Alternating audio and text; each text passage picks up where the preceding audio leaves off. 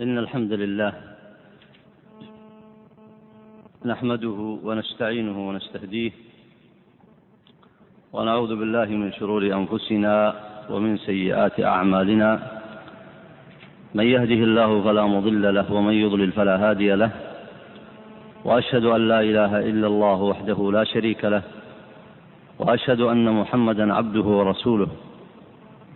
اللهم صل وسلم وبارك على عبدك ورسولك محمد وعلى آله وصحبه أجمعين. سبحانك اللهم لا علم لنا إلا ما علمتنا إنك أنت العليم الحكيم. أيها الإخوة الفضلاء السلام عليكم ورحمة الله وبركاته.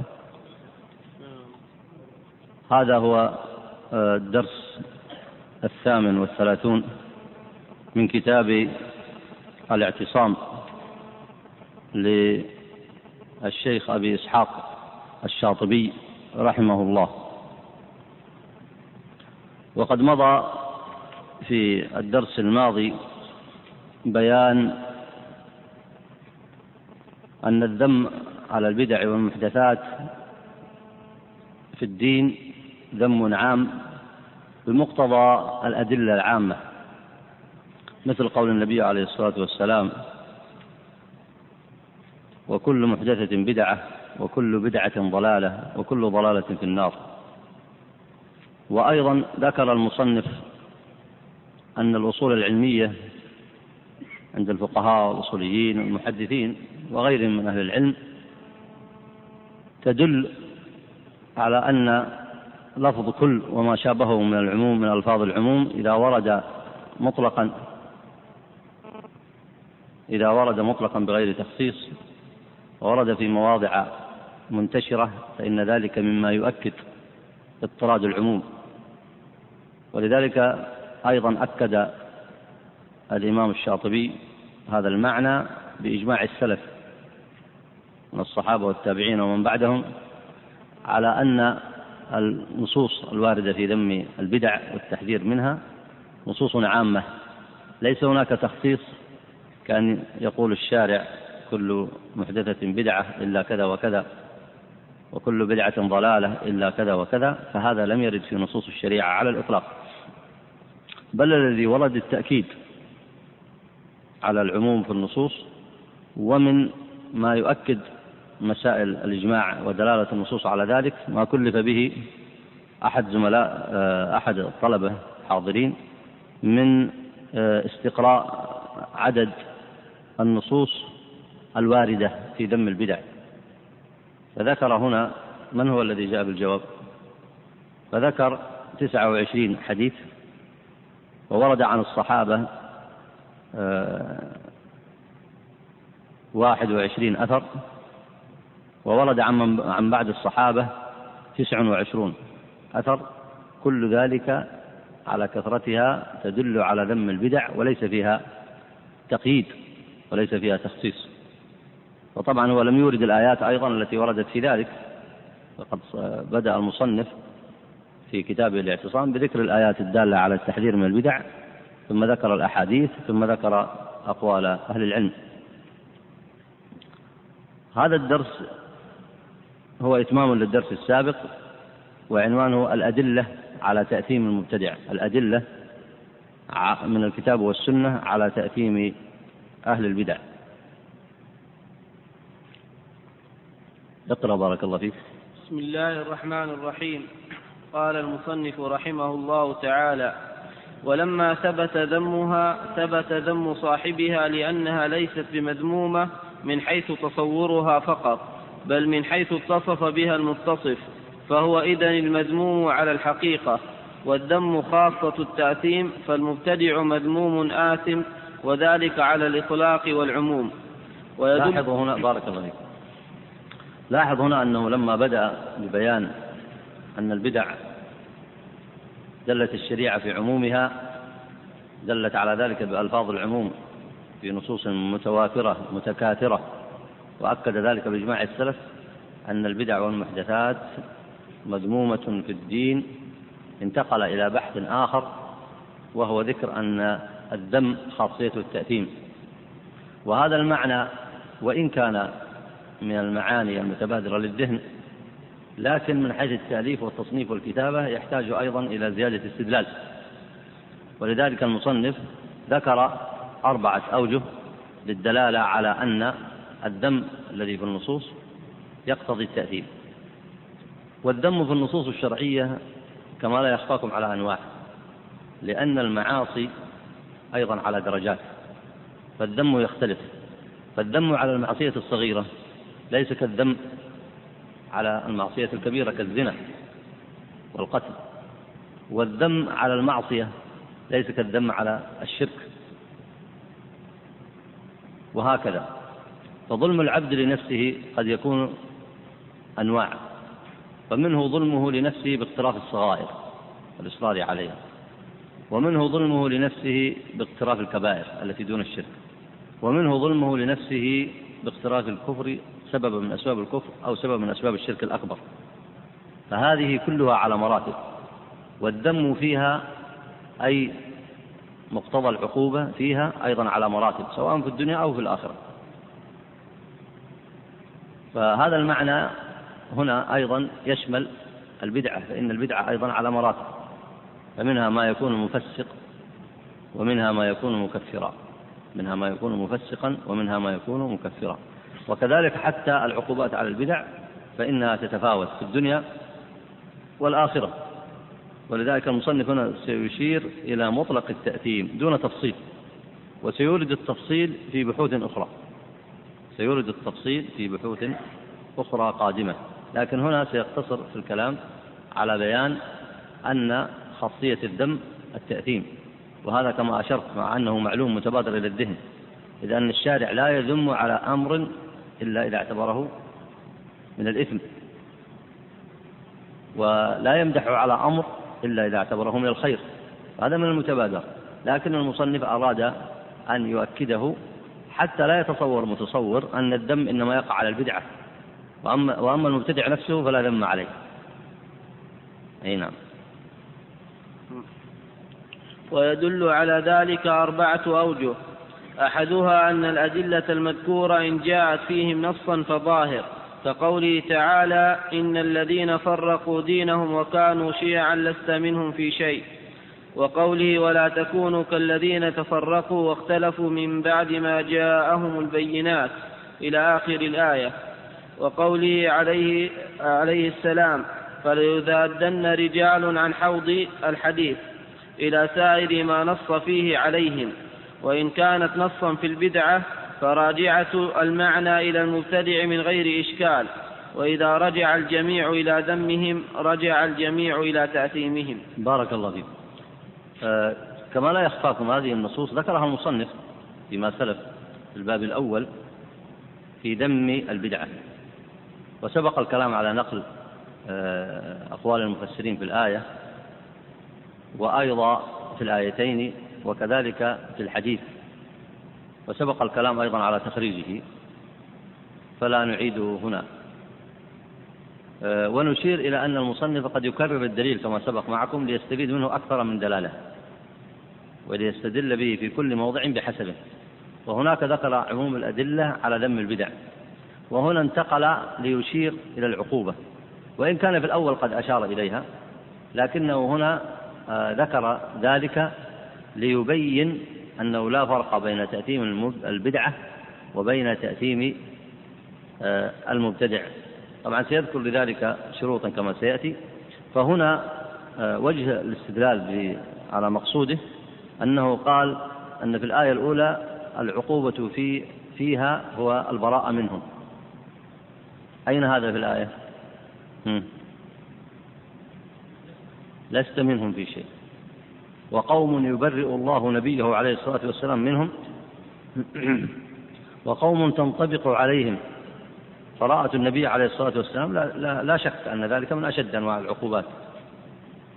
وأيضا آه الثاني مقتضى الدم فيه كما هو في سورة آل عمران وإن كان المصنف هنا لم آه يكمل آه وجه الاستدلال لكن مقصوده ما ورد فيها من قول الله تعالى يوم تسود وجوه وتبيض وجوه فأما الذين اسودت وجوههم أكفرتم بعد إيمانكم.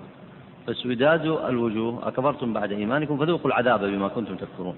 التوعد بالعذاب مع سداد الوجوه هو أيضا من العقوبات. وهذا يدل والعقوبة إنما تقع تقع على البدعة ولا على المبتدع؟ تقع على المبتدع تقع على المكلفين. فهنا ذكر المصنف أن هذه العقوبات دالة على أنهم آثمون بدليل أنهم متعرضون للعقوبة. وأيضا الحديث في نفس المعنى فإن الحديث كما سلف الكلام عليه آه، يذادون عن حوض النبي عليه الصلاة والسلام وذلك من أشد العقوبات عليهم في الآخرة. أي نعم. الثاني.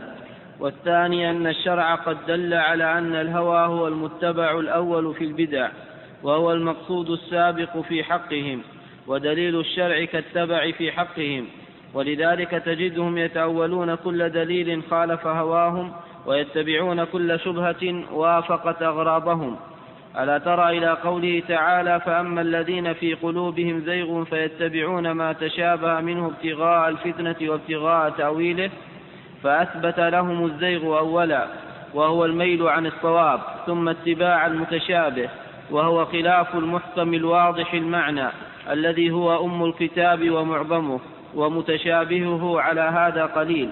فتركوا اتباع المعظم إلى اتباع الأقل المتشابه الذي لا يعطي مفهوما واضحا ابتغاء تأويله وطلبا لمعناه الذي لا يعلمه إلا الله أو يعلمه الله والراسخون في العلم وليس إلا برده إلى المحكم ولم يفعل المبتدعة ذلك فانظروا كيف اتبعوا أهواءهم أولا في مطالبة الشرع بشهادة الله.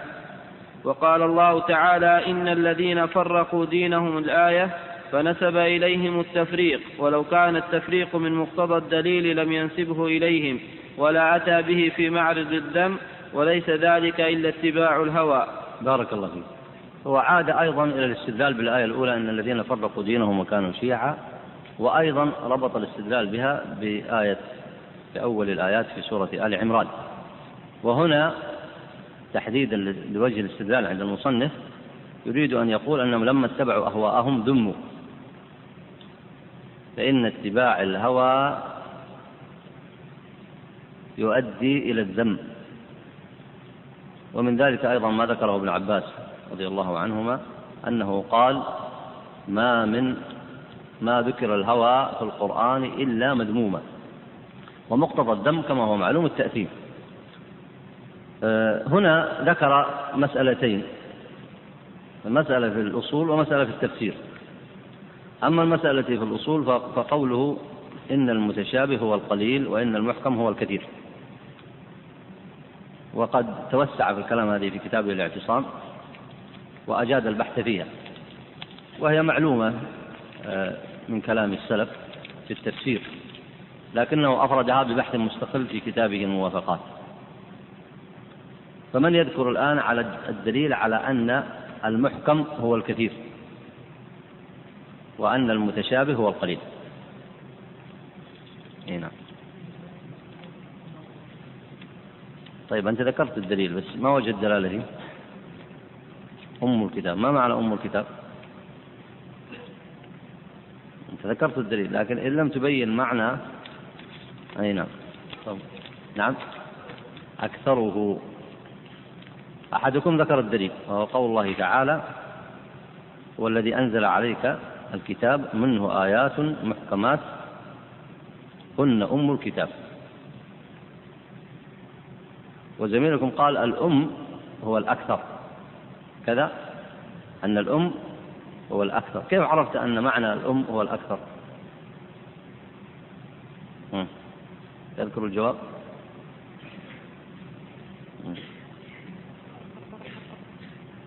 الأم معناها الأصل. ما وجه الارتباط بين التفسير بالأصل والتفسير بالأكثر؟ وهذا التفسير منقول عن المفسرين أو من أين؟ من أين لك؟ ها؟ معنى المتبادر للذهن ولا منقول من كتب التفسير؟ طيب ها؟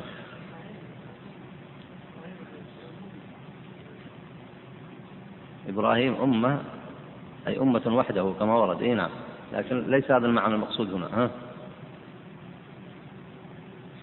الأم هو الأصل. هذا الجواب صحيح. أم الكتاب أصله وأساسه. وأيضا يشمل معنى معظمه. ومن هنا قال المصنف أكثره. لاحظ؟ وهذا وجه الارتباط في الاستدلال هنا.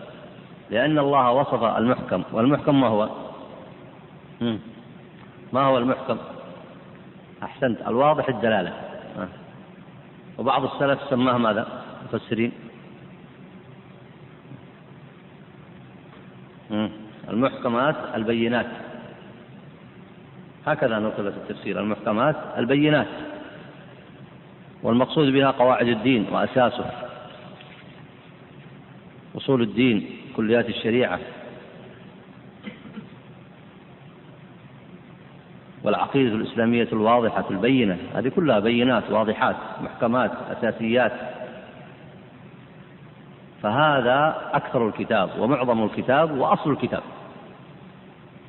طيب ما الدليل على أن المتشابه قليل؟ أولا ما معنى المتشابه؟ غير واضح الدلالة الذي يحتاج إلى تفسير. ومن أين نورد؟ ومن أين نأتي بتفسيره؟ أحسنت برده إلى المحكمات. طيب من أين للمصنف أن يقول آه، إن المتشابه قليل؟ من يذكر الجواب؟ أحسنت لأنه لما بين الله المحكمات قال هن أم الكتاب أصله وأساسه. ولما أتى الكلام على المتشابهات ماذا قال الله عز وجل؟ وأخر على التقليد وأخر قارن بين لفظ أم وبين لفظ أخر. فالأم هي أصل الشيء وأساسه. ولهذا اعتبر على هذا التفسير وهو الصحيح أن المحكمات هي أكثر الشريعة وهي أكثر النصوص الشرعية. ولذلك من صدق الله في إيمانه اتضح له الحق والهدى بإذن الله عز وجل. ثم المتشابهات التي ليست بواضحة الدلالة وتحتاج إلى بيان بردها إلى المحكم. الله عز وجل قال وأخر على سبيل التقليد. وأخر متشابهات. هذه المسألة الأصولية وقد بسط الكلام فيها في كتابه الموافقات. آه، طبعا هذا يرد على الذين يتصورون أن الدين أكثره خلاف أو غير واضح أو يتصورون أن هذا الدين آه، فرقا وتمازيق آه، لا يمكن أن يرد إلى أصول كلية ولا بينات أو كما يشيعه الناس عن فهم الإسلام أو يظن أن كلام الفرق له أصل وحجة في الدين أو كلام أيضا آه، أهل البدع المعاصرين له أصل وحجة أو غير ذلك مما يظنونه مما يظنون أن هذا الدين آه، عند كثير من أهل البدع وعند من يخالفونه ويعارضون تطبيق شريعة الله كأن هذا الدين آه، ليس له أصول محكمات بينة. ولست بحاجة هنا أن أذكركم بالأصول المحكمات في هذا الدين فهي كثيرة جدا وقد سبق الإشارة إلى إلى بيانها. طيب. آه، أما المسألة التي في التفسير هنا فقد أشار لها بقوله فتركوا اتباع المعظم اللي هو ماذا؟ المحكمات إلى اتباع الأقل اللي هو المتشابه الذي لا يعطي مفهوما واضحا ابتغاء تأويله وطلبا لمعناه الذي لا يعلمه إلا الله أرأيتم لو أنه لو أنهم طلبوا معاني المحكمات يهتدون أو لا يهتدون؟ يعني حتى ترتب تفكيرك بصورة إسلامية صحيحة وتضبط التفكير بمقتضى العلم الصحيح. انظر من أين تدخل إلى العلم. فمن دخل إلى العلم من المحكمات نجا. ومن دخل إلى العلم من المتشابه في عند نفسه أو المتشابه عند الآخرين أو مسائل الخلاف المتنازع عليها عند المجتهدين أو ما اشتبه على الفرق أو غيرهم من دخل إلى العلم من هنا خشي عليه. ومن دخل من المحكمات ولزمها وثبت عليها ثبت على عقيدة راسخة وعلم صحيح. ووالى على ذلك وعاد على ذلك واستقام على شريعة الله وتحاكم إليها فكان ولاؤه لله وعداؤه في الله ومحبته في الله وبغضه لله ودعا إلى ذلك فإنه سيدعو إلى أصول أهل السنة والجماعة البينة الواضحة وسيلزم أصول الشريعة وكلياتها. وذلك هو صدق الإيمان والرسوخ. فيه. ثم بعد ذلك ينظر في الذي تشابه في أذهان الناس. فإذا ضبط المحكمات الذي تشابه في أذهان الناس أو الذي قد يكون هو عنده من المتشابه يصبح عنده أمرا سهلا. لماذا؟ من يذكر الجواب؟ أحسنت لأنه سيرد ذلك إلى المحكمات التي ثبتت في إيمانه وعقله وتصوره. فتأمل أنت يا طالب العلم من أين تدخل؟ إن دخلت من المحكمات لاحظ الآن الشاطبي لما بدأ كتابه. بدأ بالمحكمات ولا بدأ بغيرها؟ المحكمات في هذا الموضوع طبعا المحكمات كثيرة في كل موضوع بحسبه لكن طبق الآن هنا على موضع الكتاب في التحذير من البدع. أين المحكمات. من يذكر الجواب؟ بدأ بالنصوص القرآنية تحذير من البدع. ثم بعد ذلك صنع بدأ بالأحاديث ها؟ من السنة. ثم بعد ذلك ماذا صنع؟ بدأ بأقوال السلف. بدأ من المحكمات وإلا لا؟ البينات الواضحات ومن هنا يستقر في قلب المؤمن وفي قلب طالب العلم كراهة البدع. ويستطيع أن يفهم أصول أهل السنة ويثبت على التوحيد الذي هو أعظم ما أمر الله به ويحذر من الشرك الذي هو أعظم ما نهى الله عنه. ويثبت مع كليات الشريعة دخل من باب المحكمات. لكن لو رأيت دخل بالعكس. جاء بالشبهة التي تقول مثلا أن البدع تنقسم إلى خمسة أقسام. بدع واجبة وبدع مندوبة وبدع مكروهة وبدع. هذا تشابه. تشابه في عقول بعض أهل العلم فقالوا هذا. أو أنه ورد من بعض العبارات التي ليست صحيحة لا يثبت لها أصل. أو المشتبهة في المعنى. وهي قليلة. لو دخل من هنا. يقر في قلبه ذم البدع والمحكمات الأولى ولا يختلط عليه الموضوع؟ طيب تطبيق لهذه الآية. أن المحكم هو المعظم وأن المتشابه هو القليل. في موضوع ذم البدع أين المعظم الذي هو المحكم وأين القليل الذي هو المتشابه؟ من يذكر الجواب؟ تفضل. أي نعم. المحكم قول النبي عليه الصلاة والسلام كل محدثة بدعة وكل بدعة ضلالة. وتجمع معها ما ذكر من الأحاديث أكثر من عشرين حديث ومن الآثار ما ورد عن الصحابة أكثر من عشرين وبعد الصحابة أكثر من عشرين أيضا. هذا الآن بلغ كم؟ حوالي السبعين أو الستين. هذا معظم النصوص ولا قليل النصوص؟ معظم. هذا إذن هو المحكم. في هذه المسألة هو المحكم. لاحظتم الآن التطبيق على موضوع الكتاب؟ طيب المتشابه أين هو؟ تفضل. أحسنت. من سن في الإسلام سنة حسنة فله أجرها وأجر من عمل به. هي معناها من تصدق أو من عمل خيرا فصنع الناس مثله أو بنى مسجدا فانتفع الناس به. أو تصدق بصدقة أو كتب علما أو نشر علما فاستنى الناس به فصنع مثل ما صنعوا فله أجرها وأجر من عمل به. ومن سن في الإسلام سنة سيئة فتابعه الناس على ذلك فعليه وزره. هذا معنى الحديث. لكن المتشابه في معناه عند بعض الناس ما هو؟ ها؟ نعم. إحداث بدع جديدة. هذا تصوره بعض الناس. لكن متشابه عنده ولا هو معنى الحديث؟ هذا متشابه في الفهم من المتشابه في الفهم أيضا عندهم. أحسنت. قول عمر المشهور في صلاة التراويح. نعمة البدع.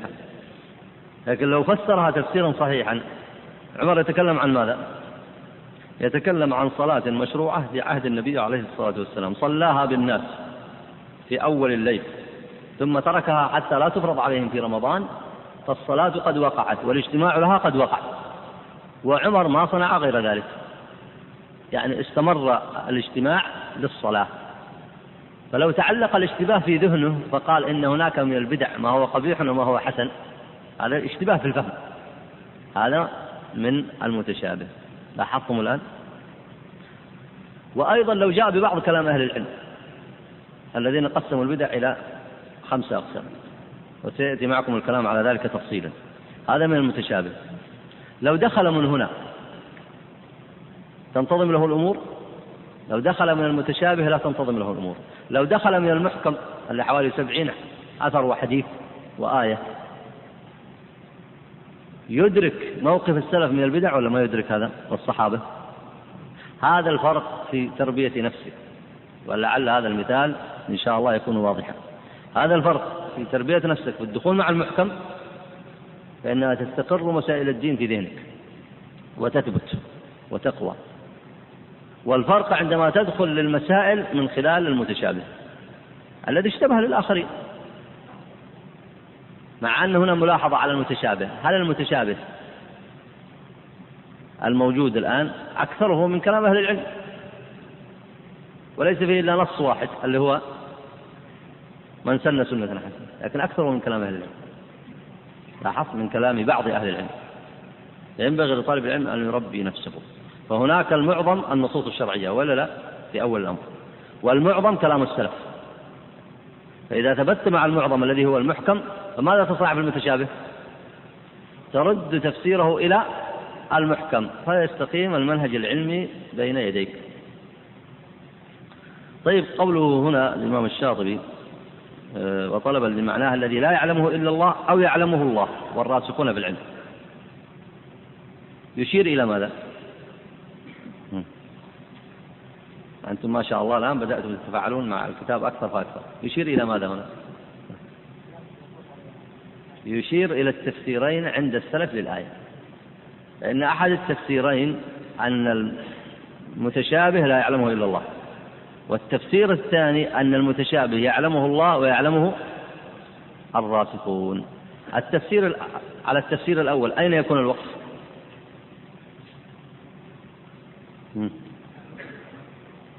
نعم. أي نعم. فأما الذين في قلوبهم زيغ فيتبعون ما تشابه منه ابتغاء الفتنة وابتغاء تأويله وما يعلم تأويله إلا الله. فعلى المعنى الأول الوقت يكون على لفظ الجلال. وعلى المعنى الثاني أن المتشابه يعلم الله تفسيره والراسخون في العلم يعلمون تفسيره يكون الوقف على أي شيء؟ والراسخون في العلم. يكون الوقف على قول الله تعالى والراسخون في العلم. هذان التفسيران واردان عن السلف. وجمع بينهما شيخ الإسلام جمعا حسنا. رحمه الله. وهذا مما يدلكم على كثير من التفاسير الموجودة عند السلف. كثير منها يمكن الجمع بينهم. ولا إشكال. واعتمد في الجمع بين التفسيرين على تفسير معنى التأويل. ما يعلم تأويله إلا الله. فما معنى التأويل هنا؟ نعم. التأويل يقول زميلكم حقيقة الأمر وما يؤول إليه. في تفسير ثاني للتأويل؟ تأويل التفسير. التأويل التفسير. فالتأويل في القرآن يشمل هذا ويشمل هذا. الأول ما دليله؟ أنه معرفة حقيقة الأمر وما يؤول إليه. أحسن. قول يوسف هذا تأويل رؤياي من قبل. قد جعلها ربي حقا. فتأويل الرؤيا وما يقع فيها من حقيقة الأمر بأن يجتمع أهله ويأتي هو من السجن فيخرج من فيخرج من السجن ويأتي أهله من البدو ويؤول أمره إلى الملك والتمكن. ويجتمعون بين يديه ويزول ما بينهما من النزاع والخلاف من كان يعلم حقيقة هذا الأمر؟ هل أحد يعلمه إلا الله؟ ما أحد يستطيع يعلمه. حتى وإن كان في قلب أيوب عليه السلام أن الله سيأتي بفرج لكن لا يدري كيف سيأتي الفرج. كيف سيكون؟ وما علاماته؟ ومتى؟ ما يدري. ويوسف أيضا وإن أوحى الله إليه بأنه نبي. وقلبه متعلق بأن الفرج عند الله عز وجل لكن لا يدري ما هي الصورة التي يقع فيها هذا الأمر. فهنا تأويل الأمر أي معرفته على حقيقته هذا لا يعلمه إلا الله. فإذا فسرت معنى التأويل بهذا المعنى فلك أن تقف. على لفظ الجلالة فتقول وما يعلم تأويله إلا الله. طيب إذا كان التأويل بمعنى التفسير.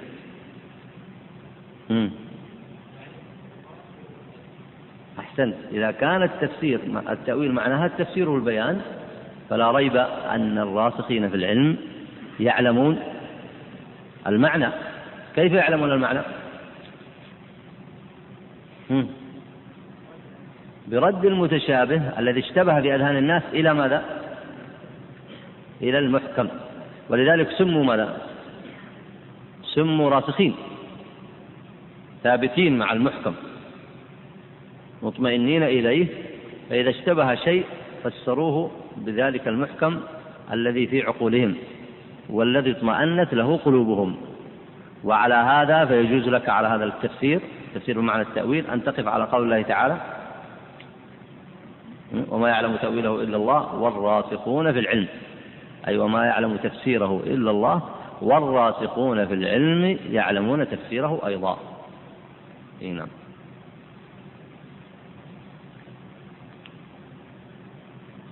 طبعا ما الذي صنعه المبتدعة لم يردوا المتشابه إلى المحكم ولذلك لا يمكن أن يعلموا معناه. يعني الراسخون ميزتهم ما هي؟ ثبوتهم مع المحكمات وحفظهم لأصول الاعتقاد ومحافظتهم على كليات الشريعة وصدقهم في عبادة الله عز وجل ولذلك نفعهم الله بذلك. هؤلاء على العكس. لا يقفون مع المعظم ولا يتعلمون المحكم ولا يثبتون معه.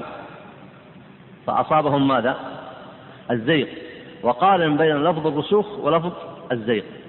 الزيغ من الزوغان لا استقرار ولا ثبات لأنهم اتبعوا المتشابه في أذهانهم.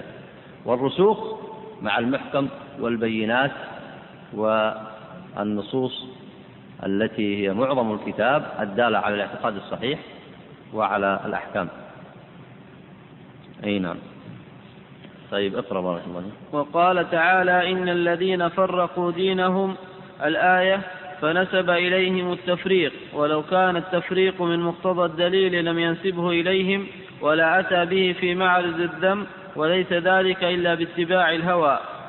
وقال تعالى ولا تتبعوا السبل فتفرق بكم عن سبيله فجعل طريق الحق واضحا مستقيما ونهى عن البنيات والواضح من الطريق والبنيات كل ذلك معلوم بالعوائد الجارية فإذا وقع التشبيه بها بطريق الحق مع البنيات في الشرع فواضح أيضا فمن ترك الواضح واتبع غيره فهو متبع لهواه لا للشرع. أي نعم. وهذا هو شأن أهل البدع. يخالفون في الكليات يخالفون في أصول الاعتقاد. ولذلك خلافهم لأهل السنة أشبه خلاف المنافقين. وهذا أشار له المصنف. ما وجه الشبه؟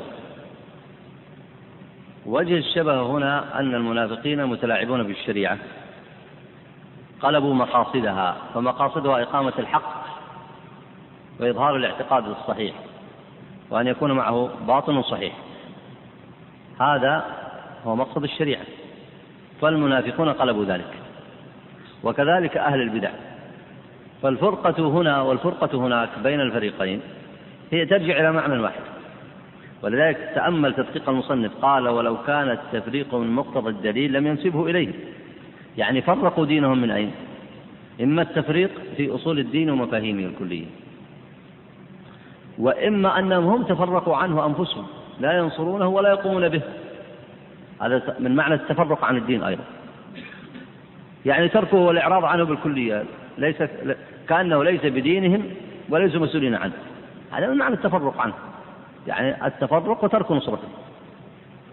ومن معانيه أيضا التفرق في عقائده ومفاهيمه وكلياته. هذا من المعنى أيضا. لكن التفرق اللي قد يقع عن اجتهاد مثل اللي يقع بين المجتهدين؟ مثل مسائل الفقه. أو قد يكون أشد من ذلك بحيث يقع ويتبعه قتال. وأوضح صورة عندكم الخلاف الذي وقع بين الصحابة رضوان الله عليهم. كذا أو لا؟ فهم رضوان الله عليهم أهل سنة مجتهدون علماء أفاضل وقعوا في أمر مشكل.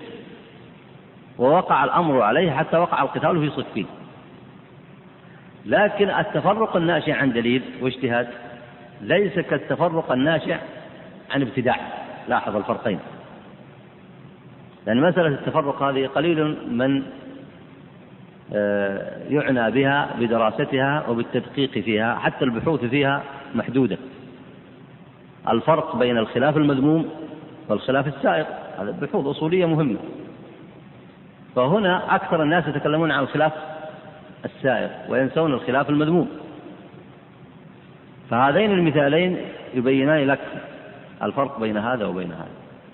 فالتفرق الذي يقول ولو كان التفرق المقتضى الدليل لم ينسبه إليهم لأنه أمر جاء بغير إرادتهم باختلاط الاجتهاد بعدم إدراك الواقعة بأسباب معينة فهذا ذهب إلى الاجتهاد وهذا ذهب إلى الاجتهاد وفي بعض الأحيان يتصادم الاجتهادات.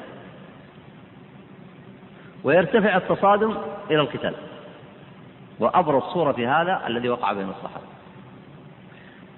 لكن اعتبروا فيه مجتهدين. لماذا؟ اعتبروا فيه مجتهدين بلا ريب لأن التفرق نشأ عن دليل وعن إشكال في الأدلة عن إشكال في فهم الأدلة عن إشكال في فهم الأدلة. لكن هذا النوع يزول قريبا. كذا ولا لا؟ زال بينهم بسرعة ولا ما زال؟ زال. هذا نوع. النوع الثاني الذي لا يزول ويستمر ويتجدد. فذاك افتراق عن الدين وافتراق عن الأدلة. ما هو سبب الاجتهاد في الدليل؟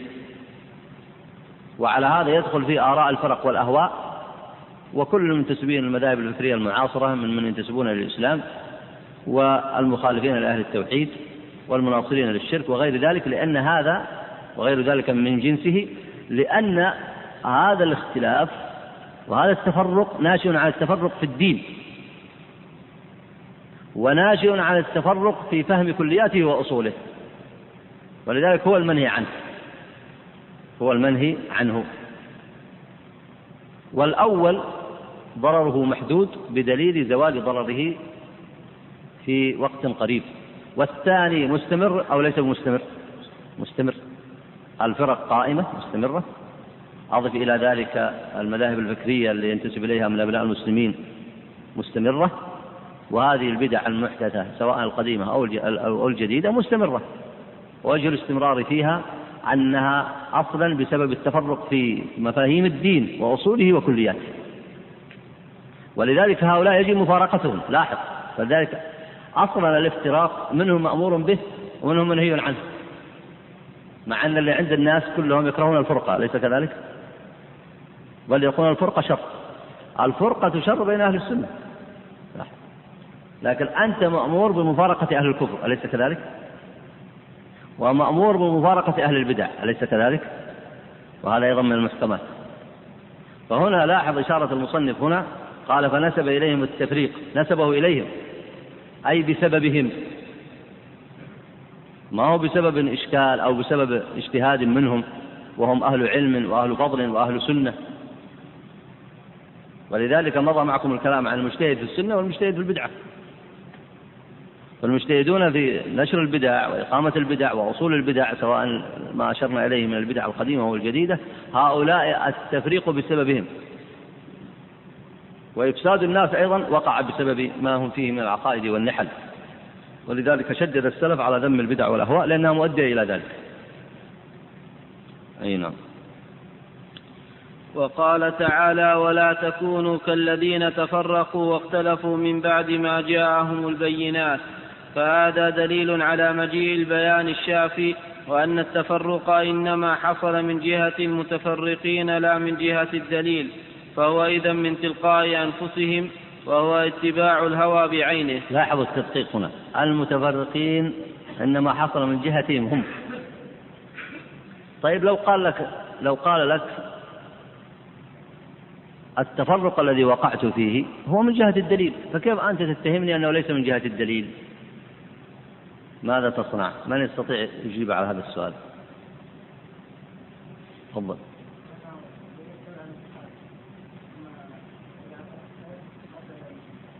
فتح الله عليك. كيف نستطيع؟ إن رأيناه اتبع المتشابه. عرفنا أن الوقوع في التفرق منه هو. ليه؟ لماذا؟ لأنه ترك المحكمات البينات وراح للمتشابه. صار بسببه ولا ليس بسببه؟ هو بسبب الدليل. بسببك أنت. وإذا لزم المحكمات ووقع عنده اشتباه قلنا نعم اشتبه بسبب الدليل. لكن من أين نفرق؟ نقول لزم المحكمات. فإذا قال لا أنا بسبب الدليل نقول نعم صدقناك. لماذا؟ لأنك أنت رأيناك مع الدليل. وآية ذلك أنك قد لزمت المحكمات الأساسيات. فهذا يدل فعلا أنك مع الدليل وأن التشابه وقع قهرا عنك. لاحظتم؟ وهذا فرق في المجتهد في السنة والمجتهد في البدعة. وأعيد المثال مرة أخرى السابق لأن هذه المسائل على صعوبتها المثال يوضحها. الصحابة لما اختلفوا كانوا لازمين ومقيمين على المحكمات؟ أو لا؟ الجواب قولا واحدا نعم. كانوا لازمين للمحكمات عقيدة. الولاء لله ورسوله. التحاكم إلى الشريعة. المحافظة على كليات الشريعة. الاعتقاد الصحيح في صفات الله. الاعتقاد الصحيح في اليوم الآخر. الاعتقاد الصحيح في مسائل الدين وأصول أهل السنة. بلا ريب. كل الفريقين. فوقع الاشتباه عندهم عن دليل. ولذلك سموا ماذا؟ سموا مجتهدين. بلا ريب.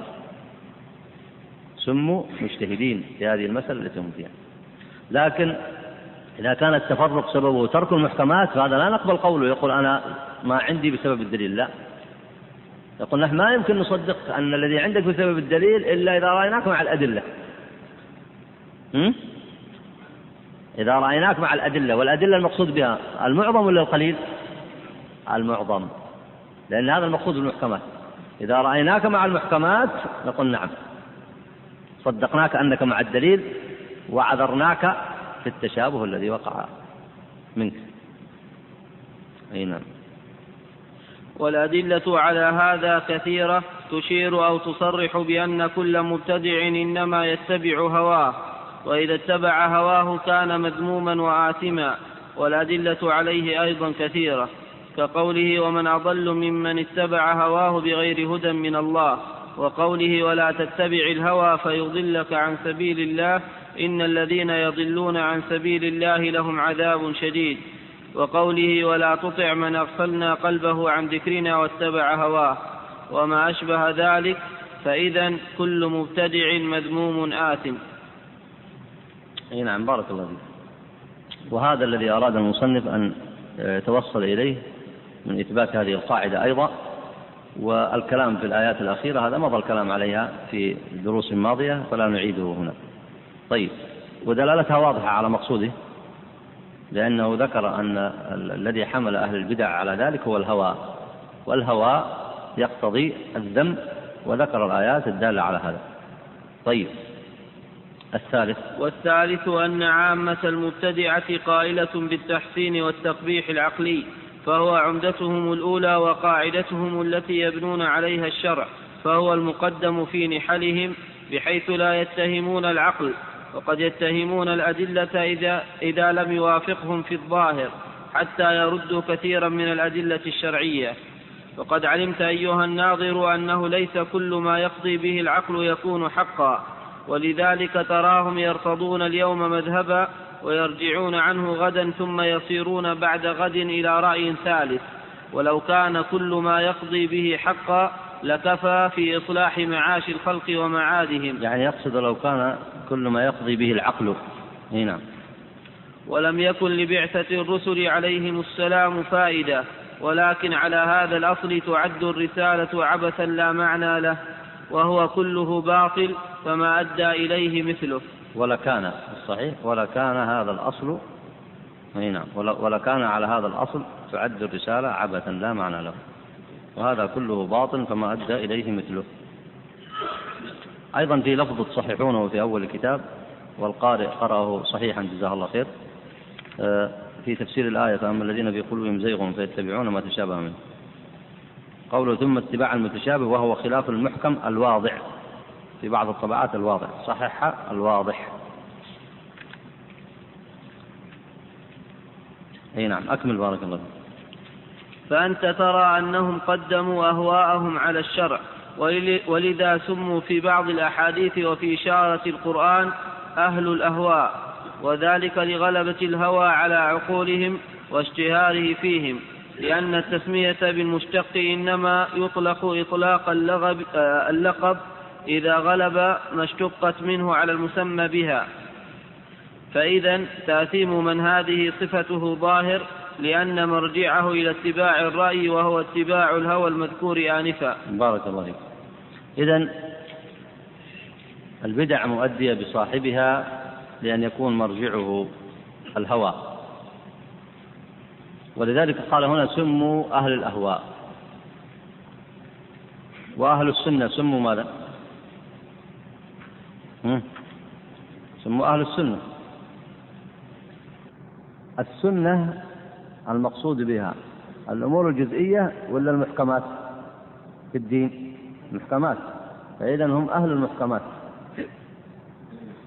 وهي أصول أهل السنة والجماعة الأصول. وهي معظم الدين وأساس الشريعة المحكمات الهوى معروف بتقلبها أليس كذلك؟ ولذلك سمي بهذا المعنى لما يتضمنه. فهم أهل الأهواء. وليسوا أهل المحكمات وليسوا أهل السنة. ولو كانوا أهل المحكمات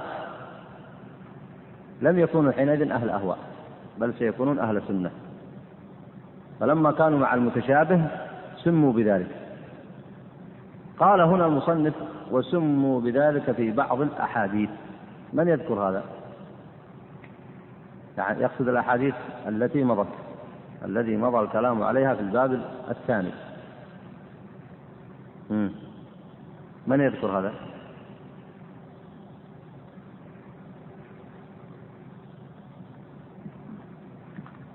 آه الذي ورد حديث عائشة لما ذكره المصنف في تفسير قول الله تعالى آه إن الذين فرقوا دينهم وكانوا شيعا. وقد مضى الكلام عليه. فقالت عائشة من هم؟ النبي صلى الله عليه وسلم سأل عائشة رضي الله عنها من هم؟ يا عائشة. قالت الله ورسوله أعلم. فأجاب النبي عليه الصلاة والسلام قال هم أصحاب الأهواء وأصحاب البدع. ومضى الكلام على سند هذا الحديث وما تضمنه من المعاني. فهذا الذي يشير إليه المصنف في قوله هنا ولذلك سموا في بعض الأحاديث يعني أهل الأهواء. طيب وفي إشارة القرآن أين الإشارة في القرآن؟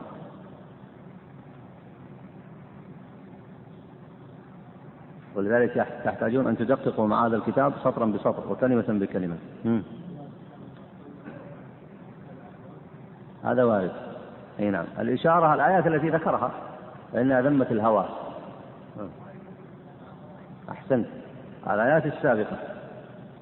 وهو قد ذكر في تفسيرها فيما سبق وبين أن من خاصية أو من خصائص أهل الأهواء أهل البدع من خصائصهم اتباع الهوى.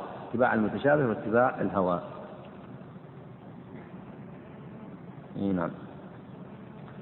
آه، أما ما ذكره في أول الدليل أن عامة المبتدع قالت بالتحسين والتقبيح العقلي. يعني هو يصور أن المنهج أنهم يعتمدون على تفكيرهم وعقولهم وهذا المعنى بالجملة ولا سيأتي الكلام على هذا تفصيلا.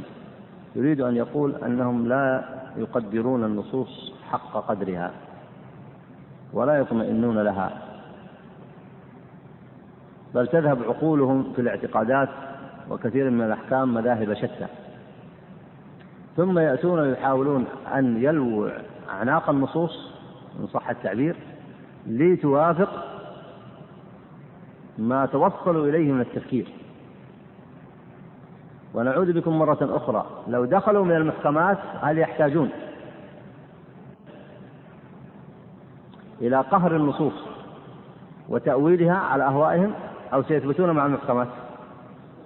والمتشابه يحتاج إلى تفسير. لاحظ المتشابه هو القليل كذا ولا لا؟ والمحكم هو المعظم. فأنت لما ترد القليل إلى الكثير تحتاج إلى تفسير ولا تتعب في هذا كثيرا.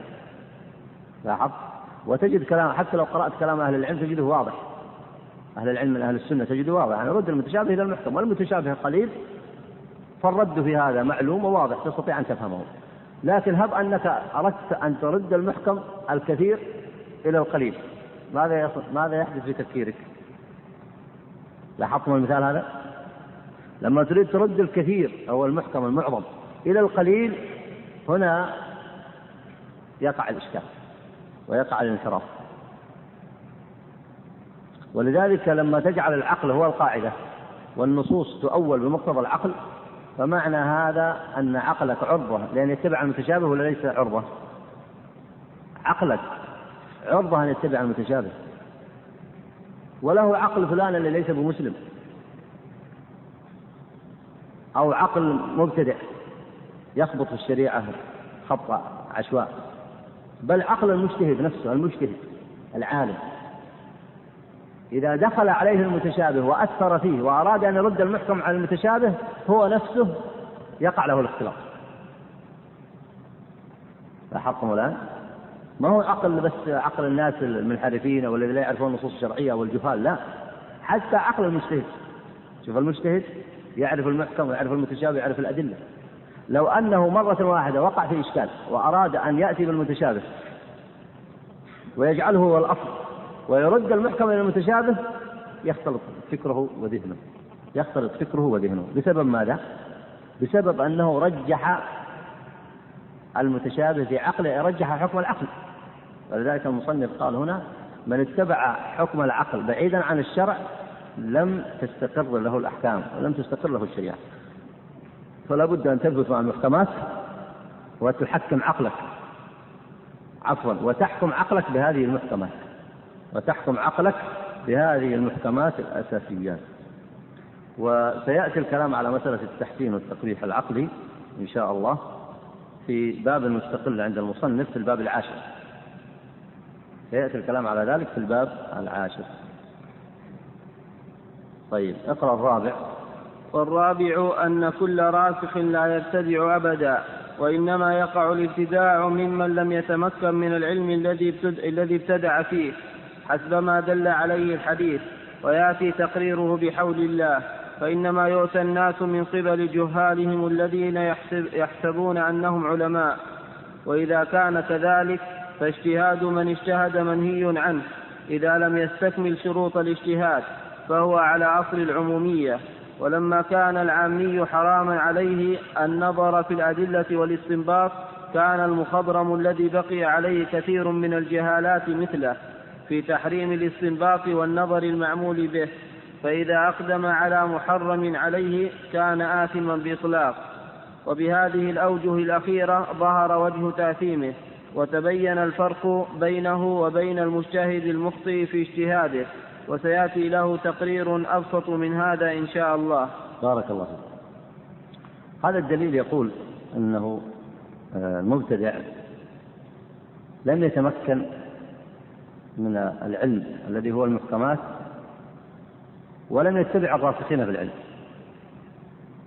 وطريق النجاة أحد هذين الطريقين إما أن تلزم المحكمات التي تعرفها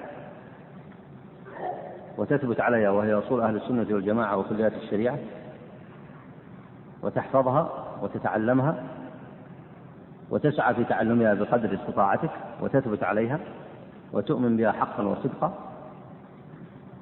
فتستقر على التوحيد والحذر من الشرك والبدع والأهواء. فإن عرفت ذلك بالتعلم فأنت قد اتبعت الدليل. وإما وإن كنت لا تستطيع أن تعرفه على التفصيل فلا أقل أن تتابع فيه الراسخين في العلم. من هم الراسخون في العلم؟ أهل السنة الذين هم الثابتون مع المحكمات وأصول أهل السنة. فمن لم يتحقق له هذا ولا هذا فالبديل ما هو؟ البديل بدل هذين الطريقين ما هو؟ لن يدخل الجواب. شوف لاحظ معي. إما أن تعرف الطريق إلى المحكمات بالأدلة. وإما إن كان إن كنت لا تعرف بعضها أو يفوتك بعضها فلا أقل أنك تتبع الراسخين. علماء أهل السنة. تتبعهم في ذلك وتقول بما قالوا. من الصحابة والتابعين والأئمة المعروفين الذين هم على طريقهم. فإن لم يكن هذا ولا هذا فما هو البديل؟ تفضل. أحسنت بدل اتباع المحكمات اتباع المتشابهات وبدل اتباع الراسخين اتباع أهل الأهواء. ومن هنا ثبت الذم لهؤلاء. من أين ثبت الذم؟ تركوا المحكمات وتركوا الراسخين. فهل تظن أنهم سيلوون على شيء؟ وهل تظن أنهم سيبقون مع الحق؟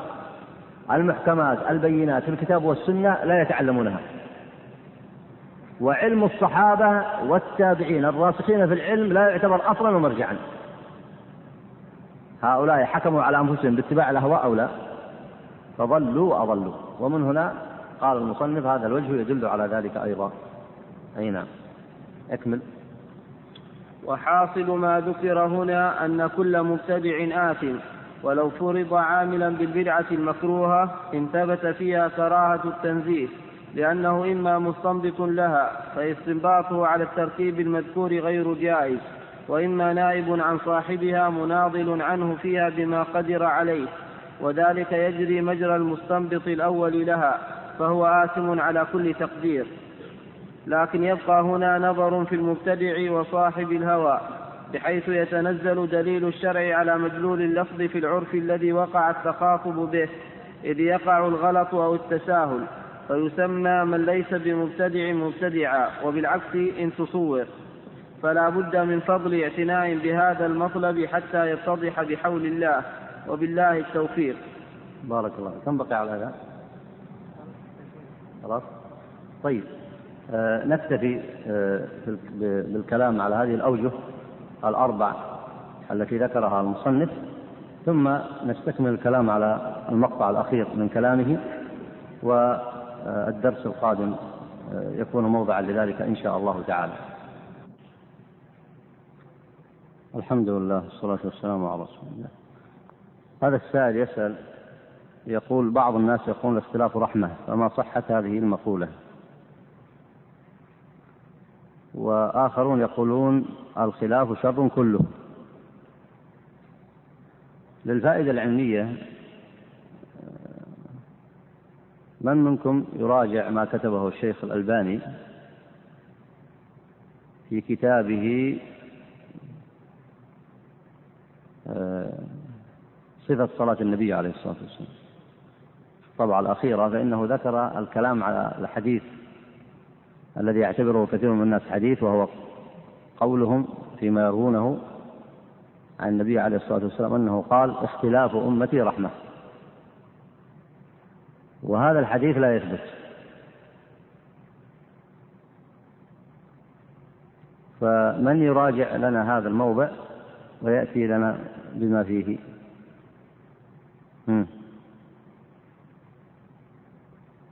من يقوم بذلك؟ طيب.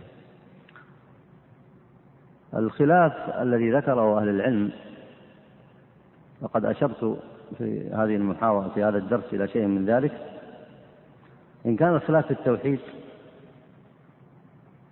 فلا ريب أنه شر كله.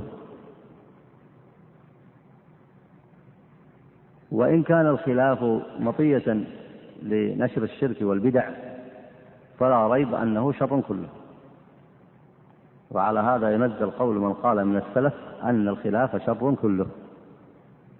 ومهم طالب العلم أن يتأمل مواضع كلام السلف حتى ينزل كل كلام منه في موضعه. وهذه فائدة التعلم والتدقيق في فهم كلام أهل العلم.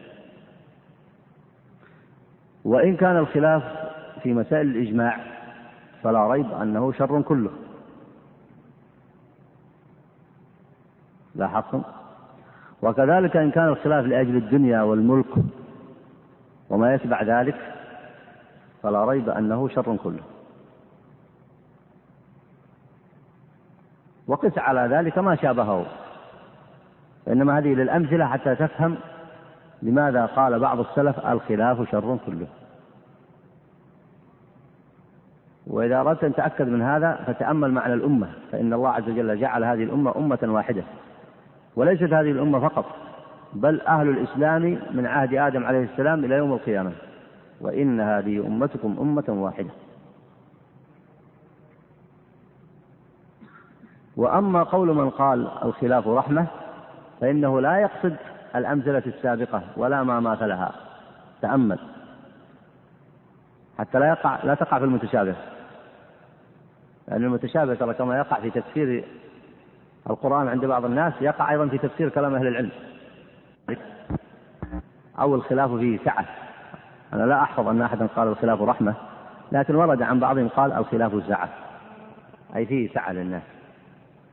فلا يقصد الأمثلة السابقة أو ما شاكلها.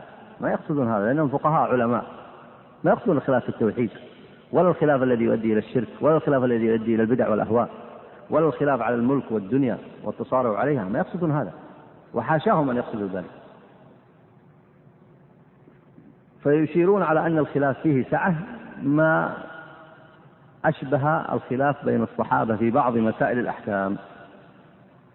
وهذا أيضا الواجب على الناس الرد إلى الأدلة عند التنازع واستعمال المنهج العلمي الصحيح بصفاته الحميدة الصحيحة. ولعل نشير أيضا إلى مزيد من هذا عند الكلام عن تفصيل القول في هذا الحديث المشهور عند الناس لكن ليس مشهور في الصحة لكن مشهور فيما التبس على الناس. وبعض المصنفين جعله عنوانا لكتابه. هناك من كتب فقال عنوان كتابه الاختلاف اختلاف أمتي رحمة. وهذا الحديث ليس بصحيح. يقول السائل هنا لقد ذهبت إلى مكة لكي يؤدي صلاة الجمعة في الحرم المكي فأول ما بدأت به الطواف وهو تحية البيت ولكن عندما بدأت الطواف رفع الأذان الثاني وبدأت الخطبة وتوقفت. لكن آه ثم صليت مع الجماعة ولم, ولم أكمل الطواف بعد الصلاة. فما فعلته صحيح أو لا؟ الصحيح أنه كان عليه أن يطوف بعد صلاة الجمعة. وهذا قريب مما ذكره بعض أهل العلم من بدأ بالنافلة فليتمها وكذلك من بدأ في الحج النفل فليتمه وكذلك من بدأ في العمرة فليتمها وفسروا به قول الله تعالى ولا تبطلوا أعمالكم. أدخلوا في هذه الآية لأنه لما بدأ عمله كان عليه أن يتمه. والفصل إذا كان كثيرا كما أفتى أهل العلم إذا كان الفصل كثير يبتدئ الطواف. إذا كان الفصل كثير يبتدئ الطواف من جديد.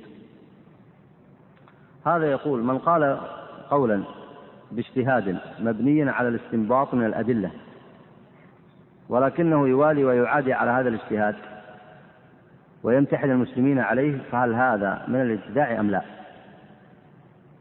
هذا الجواب سيأتي لكم تفصيل في داخل هذا الكتاب وهو مهم جدا. فإن كان من المسائل المتعلقة بالتوحيد والمسائل المتعلقة بأصول الاعتقاد فإنه يجب الولاء عليها والحب والبغض لأن الله عز وجل أوجب على الناس أوجب على المسلمين نصرة التوحيد ونصرة المحكمات والولاء عليها لأن هذا من معنى النصرة. فهنا يجري الولاء والعداء على ذلك.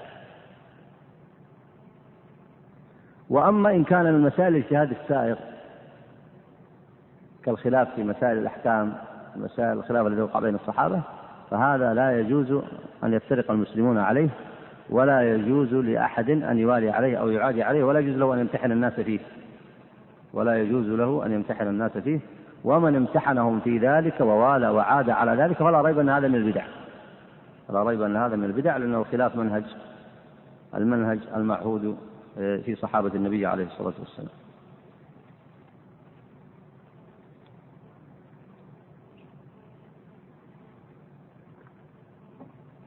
هذا السائل يقول عندنا جلسة أسبوعية بعد صلاة العشاء. أه ندرس في هذه الجلسة درس فقهي بسيط يتراوح ما بين الربع والثلث ساعة وبعد الدرس يكون لعب الكرة لمدة ساعة أو ساعتين. الدرس لمدة ربع ساعة أو ثلث ساعة. ولعب الكرة لمدة ساعة أو ساعتين. وبعدها عشاء. ثم نفترق. السؤال هناك حديث نهى نهي من الرسول صلى الله عليه وسلم عن الحديث بعد العشاء. فهل تكون جلستنا أو جلستنا وقعت في وقت النهي وينطبق عليها النهي أم أننا نقتصر على الدرس فقط؟ أم أننا نتوقف عن هذه الجلسة؟ أم أن الجلسة كاملة طيبة وما فيها بأس؟ الجواب أن النهي الذي وارد بعد صلاة العشاء آه، ذكر أهل العلم أنه إن كان لتدارس العلم فإنه أو مصلحة من مصالح المسلمين المعروفة فإنه لا بأس به ولا يدخل تحت النهي. لأن مقصود النهي ألا يضيع الوقت بعد العشاء في غير مصلحة شرعية. وله ضابط أيضا وهو ألا يؤدي إلى تفويت صلاة الفجر جماعة. وعلى هذا فالدرس الفقهي لا إشكال في صحته وهو أمر طيب. وأما ما بعده فيحول إلى وقت مناسب. فإن ادعى أن فيه مصلحة له للجلوس مع زملائه أو غير ذلك لكن يحذر ألا يفوت به صلاة الفجر جماعة. ولذلك ينبغي للمسلم أن يحسن ترتيب وقته. أن يحسن ترتيب وقته وخاصة مثل هذه الرياضات التي إذا انضبطت بالأحكام الشرعية ينبغي أن يختار لها وقتا مناسبا حتى لا يشق عليه فيقع في آه، آه، أمر يدخله في المنهي عنه يؤدي به إلى تضييع الصلاة جماعة أو غير ذلك. ولذلك بعض الناس يفهم حديث النبي عليه الصلاة والسلام من نام عن صلاة أو نسيها فليصليها إذا ذكرها وأن النوم عذر وأن النوم عذر. الفقهاء فصلوا في هذا. النوم الذي لا تفريط فيه. لكن يجهد نفسه في الليل ويسهر إلى بعد الثانية عشر أو الواحدة أو الثانية ثم يرمي بنفسه على الفراش ولا يقوم إلا مع شروق الشمس هذا تفريط ويأثم في ذلك. أي نعم. هذا يسأل يقول حديث النبي عليه الصلاة والسلام إن الله يبسط يده بالليل ليتوب مسيء النهار. ويبسط يده بالنهار ليتوب مسيء الليل. قال بعض العلماء في هذا الحديث كناية عن بسطه رحمته سبحانه وتعالى. فما رأيكم في ذلك؟ الجواب أن هذا لا ينافي إثبات الصفة. هذا المعنى وارد في الحديث لكن لا ينافي إثبات الصفة. فالحديث فيه دلالة كما ذكر أهل العلم على سعة كرم الله عز وجل وأنه لا يهلك على الله إلا هالك. لأن أبواب التوبة مفتوحة بالليل والنهار. يبسط يده سبحانه وتعالى بالليل ليتوب مسيء النهار ويبسط يده بالنهار ليتوب, ليتوب مسيء الليل. فهذا واضح فيه هذا المعنى وهو دلالة عظيمة على كرم الله وسعة فضله سبحانه وتعالى ودعوة عباد عباده للتوبة.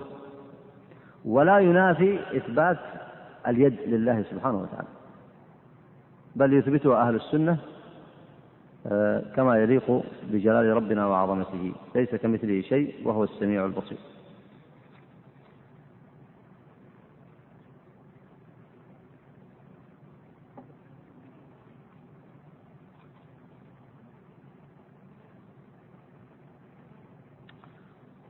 هذا السؤال والذي بعده عن مسألة الحكم بما أنزل الله. يقول السائل أشكل علي فهم إذا حكم القاضي فأخطأ فإنه ليس ممن يدخل في قوله تعالى ومن لم يحكم بما أنزل الله فأولئك هم الكافرون وأنه مخطئ وعاص لأنه يظلم الخصمين ويجعل حكمه شرعا يتبع فكيف نربط بين ما سبق مع حديث النبي صلى الله عليه وسلم؟ إذا اجتهد الحاكم فأصاب أرجو توضيح ذلك. تربط بين الموضعين. إذا علمت أن القاضي إذا أخطأ الحكم غير متعمد ولا طالب لشهوته وهواه فإنه يدخل في قول النبي عليه الصلاة والسلام إذا اجتهد الحاكم فأصاب فله أجران. إذا اجتهد الحاكم ثم أصاب فله أجر وإذا اجتهد ثم أخطأ فله أجر. لأن خطأه غير متعمد ولم يطلب خلاف الشرع لهوى أو شبهة أو شبهة آه، شبهة لنصرة قريب أو غير ذلك وإنما أخطأ ذلك. فالخطأ هنا مرفوع عنه فيه الإثم. وعلى هذا لا يدخل في قول الله تعالى ومن لم يحكم ما أنزل الله فأولئك هم الكافرون. وفي قول الله تعالى فأولئك هم الظالمون. وفي قول الله تعالى فأولئك هم الفاسقون. لماذا لا يدخل؟ تذكر الجواب؟ أي نعم. أي نعم. بارك الله فيك. تأمل معي الآن. أن الذي في الحديث أنه أثبت له الأجر ورفع عنه الإثم. كذا ولا لا؟ مع أنه أخطأ. والذي في الآية في إثبات أجر؟ في الآيات؟ وإلا في إثبات تأثيم؟ ها؟ والتأثيم في أشد صوره. لأن أنواع الكفر بغير ما أنزل الله كما سلف معكم منها أنواع الحكم بغير ما أنزل الله كما سلف معكم منها ما هو كفر دون كفر ومنها ما هو كفر مخرج. فهنا ليس هنا ليس في الآية دلالة على الأجر بل دلالة على التأثيم. وفي الحديث دلالة على الأجر أو لا؟ ورفع للتأثيم. ولذلك هو يدخل في الحديث ولا يدخل في الآيات لأنه لما خالف خالف بسبب اجتهاده وبذل وسعه وأدى ما عليه. ولا يعني أن حكمه لابد أن يكون صحيحا. قد تأتي هيئة أخرى فتنقض حكمه. فحكمه إذا كان غير صحيح ينقض لكنه يعذر إذا بذل واستفرغ وسعه واجتهاده. ولذلك هذا مأخوذ من الحديث إذا اجتهد لاحظ إذا اجتهد. والمقصود الاجتهاد بذل الوسع المقصود بذل الوسع. هذا أيضا يقول نرجو إعادة الأنواع الست في الحكم بغير ما أنزل الله التي فيها الكفر الأكبر. هذا الجواب عنه أنك أنت بنفسك تعود إلى ما ذكره الشيخ محمد بن إبراهيم وتحفظ هذه الأنواع ولا مانع من إعادتها إذا كان هناك آه، مجال مناسب لذلك. قال آه، هذا آه، سؤالان في ورقة واحدة. يقول هل تثبت رؤية المولى عز وجل في الآخرة لجميع أهل الجنة؟ أم أن هذا يخص يخص الله بها بعضا دون بعض؟ الجواب أن النصوص دالة على أن الرؤية رؤية الله عز وجل هي تكريم لأهل الجنة كلهم. لأنه كما ورد في الحديث لا يدخل الجنة إلا نفس مسلمة. فالذين يدخلهم الله الجنة يكرمهم بذلك وهذا ظاهر النصوص. الأمر الثاني السؤال الثاني يقول قال صلى الله عليه وسلم من نوقش الحساب عذب. هل يراد به أن العذاب يكون قد حصل له بنفس المناقشة؟ أم أن المراد أن من نوقش الحساب فسيعذب؟ هذا يعرف بالرجوع إلى كلام أهل التفسير. ولذلك طالب العلم إذا أشكل عليه معنى آية فليراجع التفسير. أو يسأل عن مظانه عن, عن هذا عن المظان والمحال التي يجد في هذا المعنى. هذا الإشكال أيضا ورد على عائشة رضي الله عنها. وسألت النبي عليه الصلاة والسلام عند قول الله تعالى فأما من أوتي كتابه بيمينه فسوف يحاسب حسابا يسيرا. فهنا أوتي كتابه بيمينه وحوسب. لكن الله عز وجل يقول حساب يسير وإلا عسير. سماه حسابا يسيرا أي ليس فيه عذاب.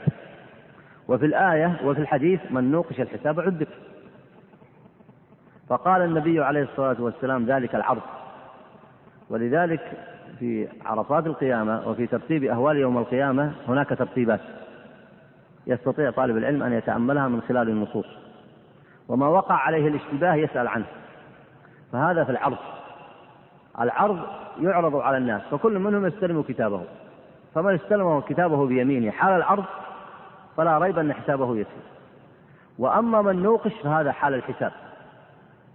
فهذا فهذا حال الحساب والعقاب. ومنه وعليه حديث النبي عليه الصلاة والسلام من نوقش الحساب عذب نسأل الله عز وجل لنا ولكم العافية. ونكتفي بهذا المقدار ونصلي ونسلم على نبينا محمد وعلى آله وصحبه أجمعين.